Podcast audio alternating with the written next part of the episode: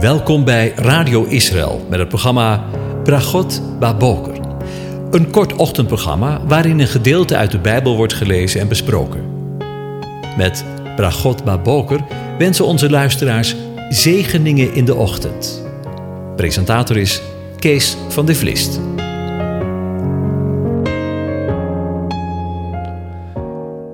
Goedemorgen, Bokatov, beste luisteraars. Vanmorgen gaan we weer verder met na te denken over Psalm 96.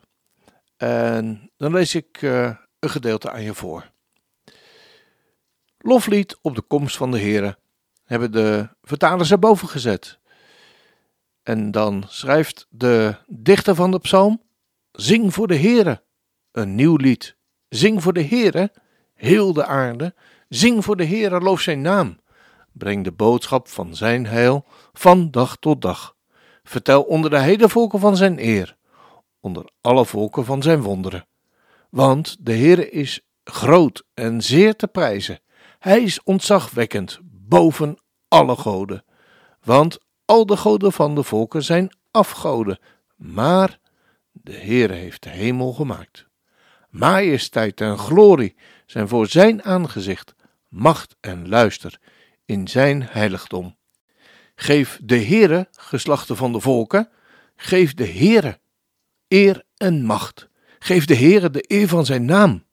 Breng offers en kom in zijn voorhoven.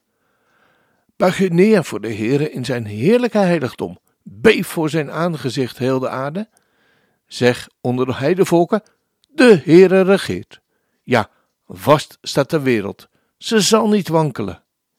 Hij zal over de volken op billijke wijze recht spreken. Laat de hemel zich verblijden en de aarde zich verheugen. Laat de zee bulderen met al wat ze bevat. Tot zover.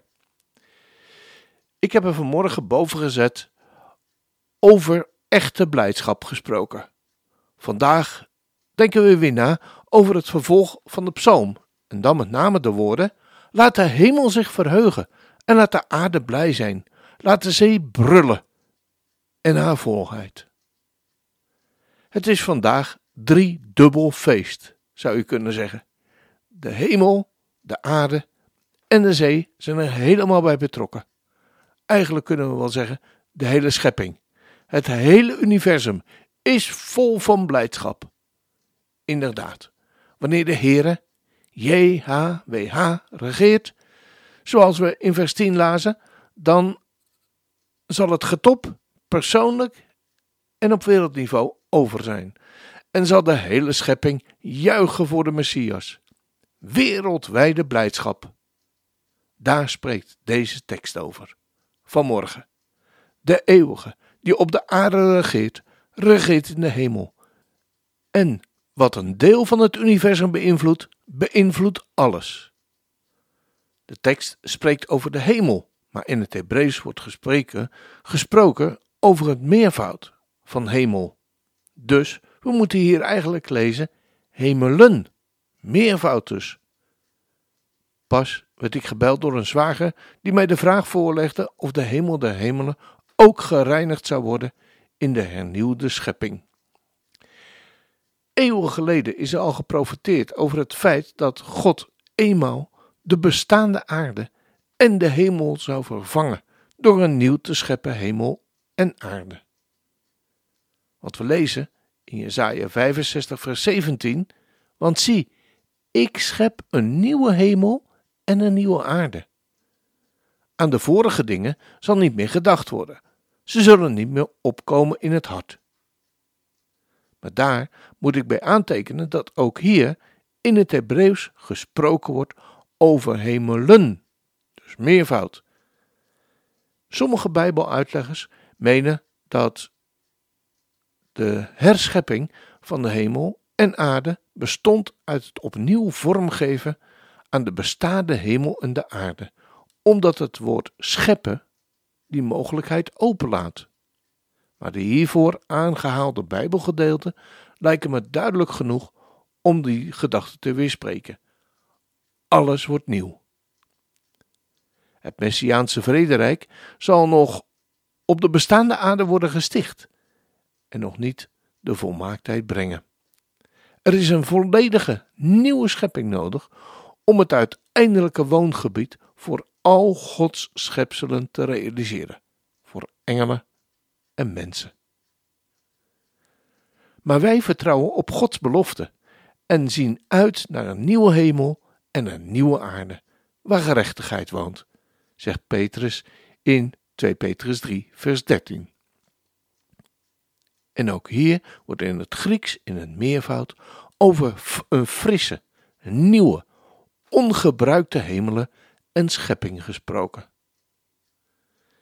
Met dezelfde scheppingskracht waarmee God de eerste hemel en aarde tot stand gebracht heeft in Genesis 1, zal de schepper en herschepper vanaf zijn troon de majestueuze woorden spreken. Zie, ik maak alles nieuw. Zoals we dat lezen in Openbaringen 21, vers 5. God zal spreken en het zal gebeuren, net als bij de eerste schepping uit Genesis 1. Er zal een nieuwe hemel en een nieuwe aarde komen, die op een unieke manier in elkaar zullen overvloeien. Dit zal de ultieme wedergeboorte van Gods schepping zijn.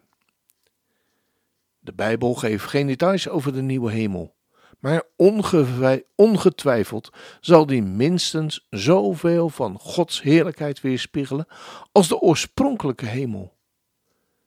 Misschien moeten we de nieuwe hemel zien als de bestaande geestelijke wereld in zijn totaliteit.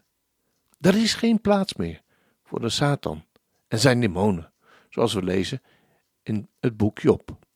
Daarom is het gepast om het hele universum, of het nu de hemel en de aarde betreft, op te roepen om deel te nemen aan de algemene vreugde. Laat de zee brullen, zegt de tekst. De zee is een beeld van de heidevolken. Misschien wel een beetje een vreemde tekst, zo binnen de context van de oproep om de eeuwige te loven en te prijzen. Bij brullen denk je nou niet bepaald aan loven en prijzen.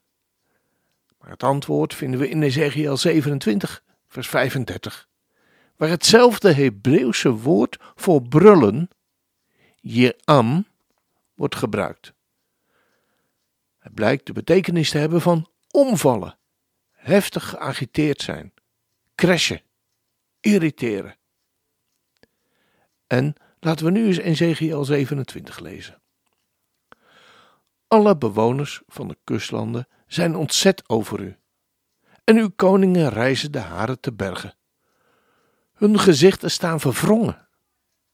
Zij die zaken doen onder de volken, sissen van afschuw over u.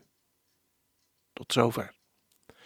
Mijn gedachten gaan terug naar een paar afleveringen geleden, waar we spraken over de farmaceutische wereld, aan de hand van wat we lazen in Openbaringen 18, waar over een vergelijkbare tragedie wordt gesproken, zoals hier in Psalm 96, over het brullen.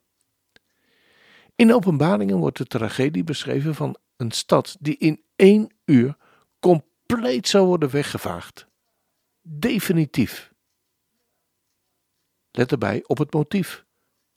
Want uw kooplieden waren van de grootste van de aarde.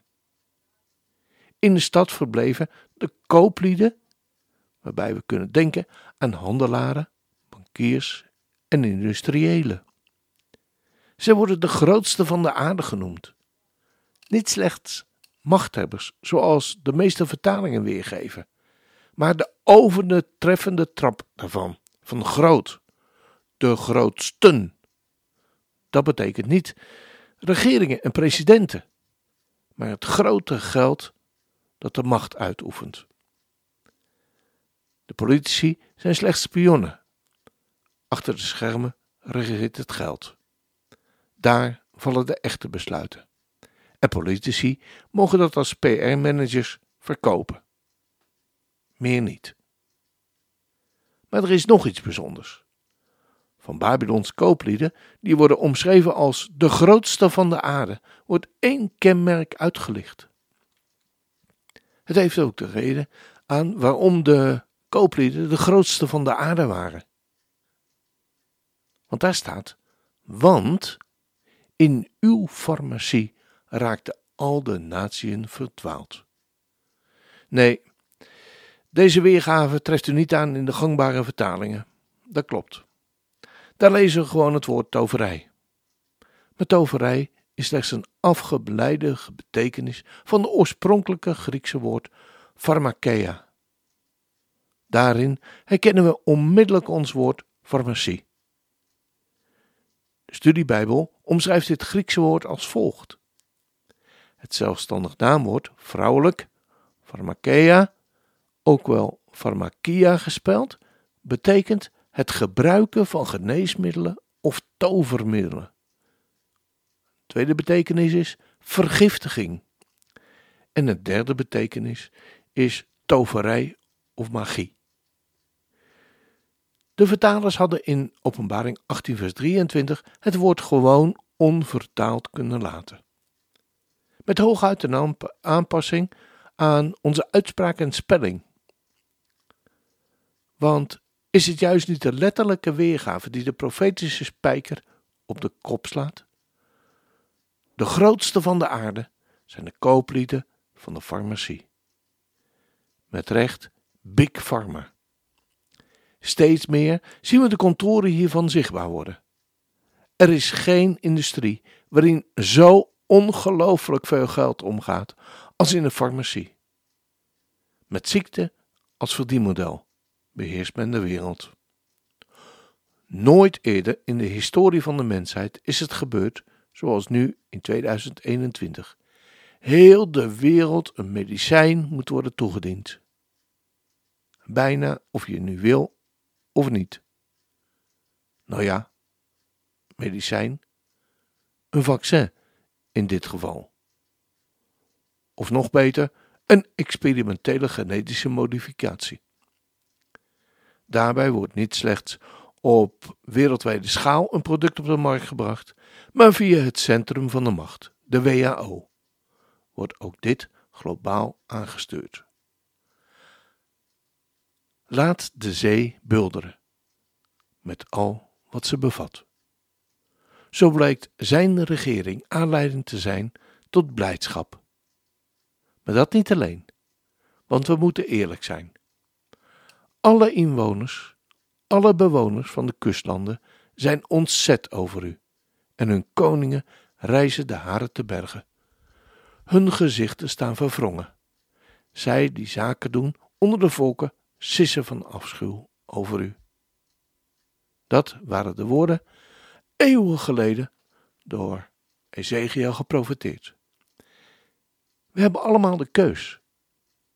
En worden allemaal, niemand uitgezonderd, de uitnodiging voor morgen en elke dag de gelegenheid tot lofprijzing. Laten we daarom ook vandaag maar beginnen met Hem te loven en te prijzen, die ons leven is. Als dat geen zegen is.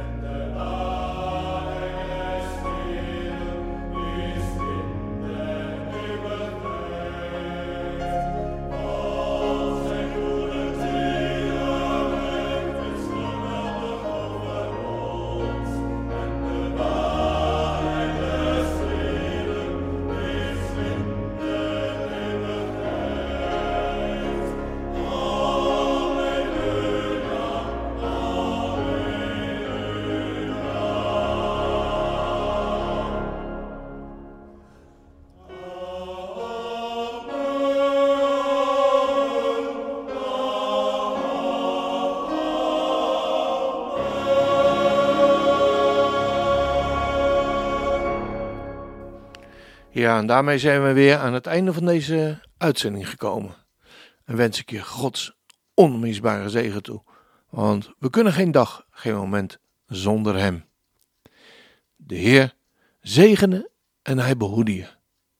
De Heer doet zijn aangezicht over je lichten en is je genadig. De Heer verheft zijn aangezicht over je en geeft je zijn vrede, zijn shalom. Amen.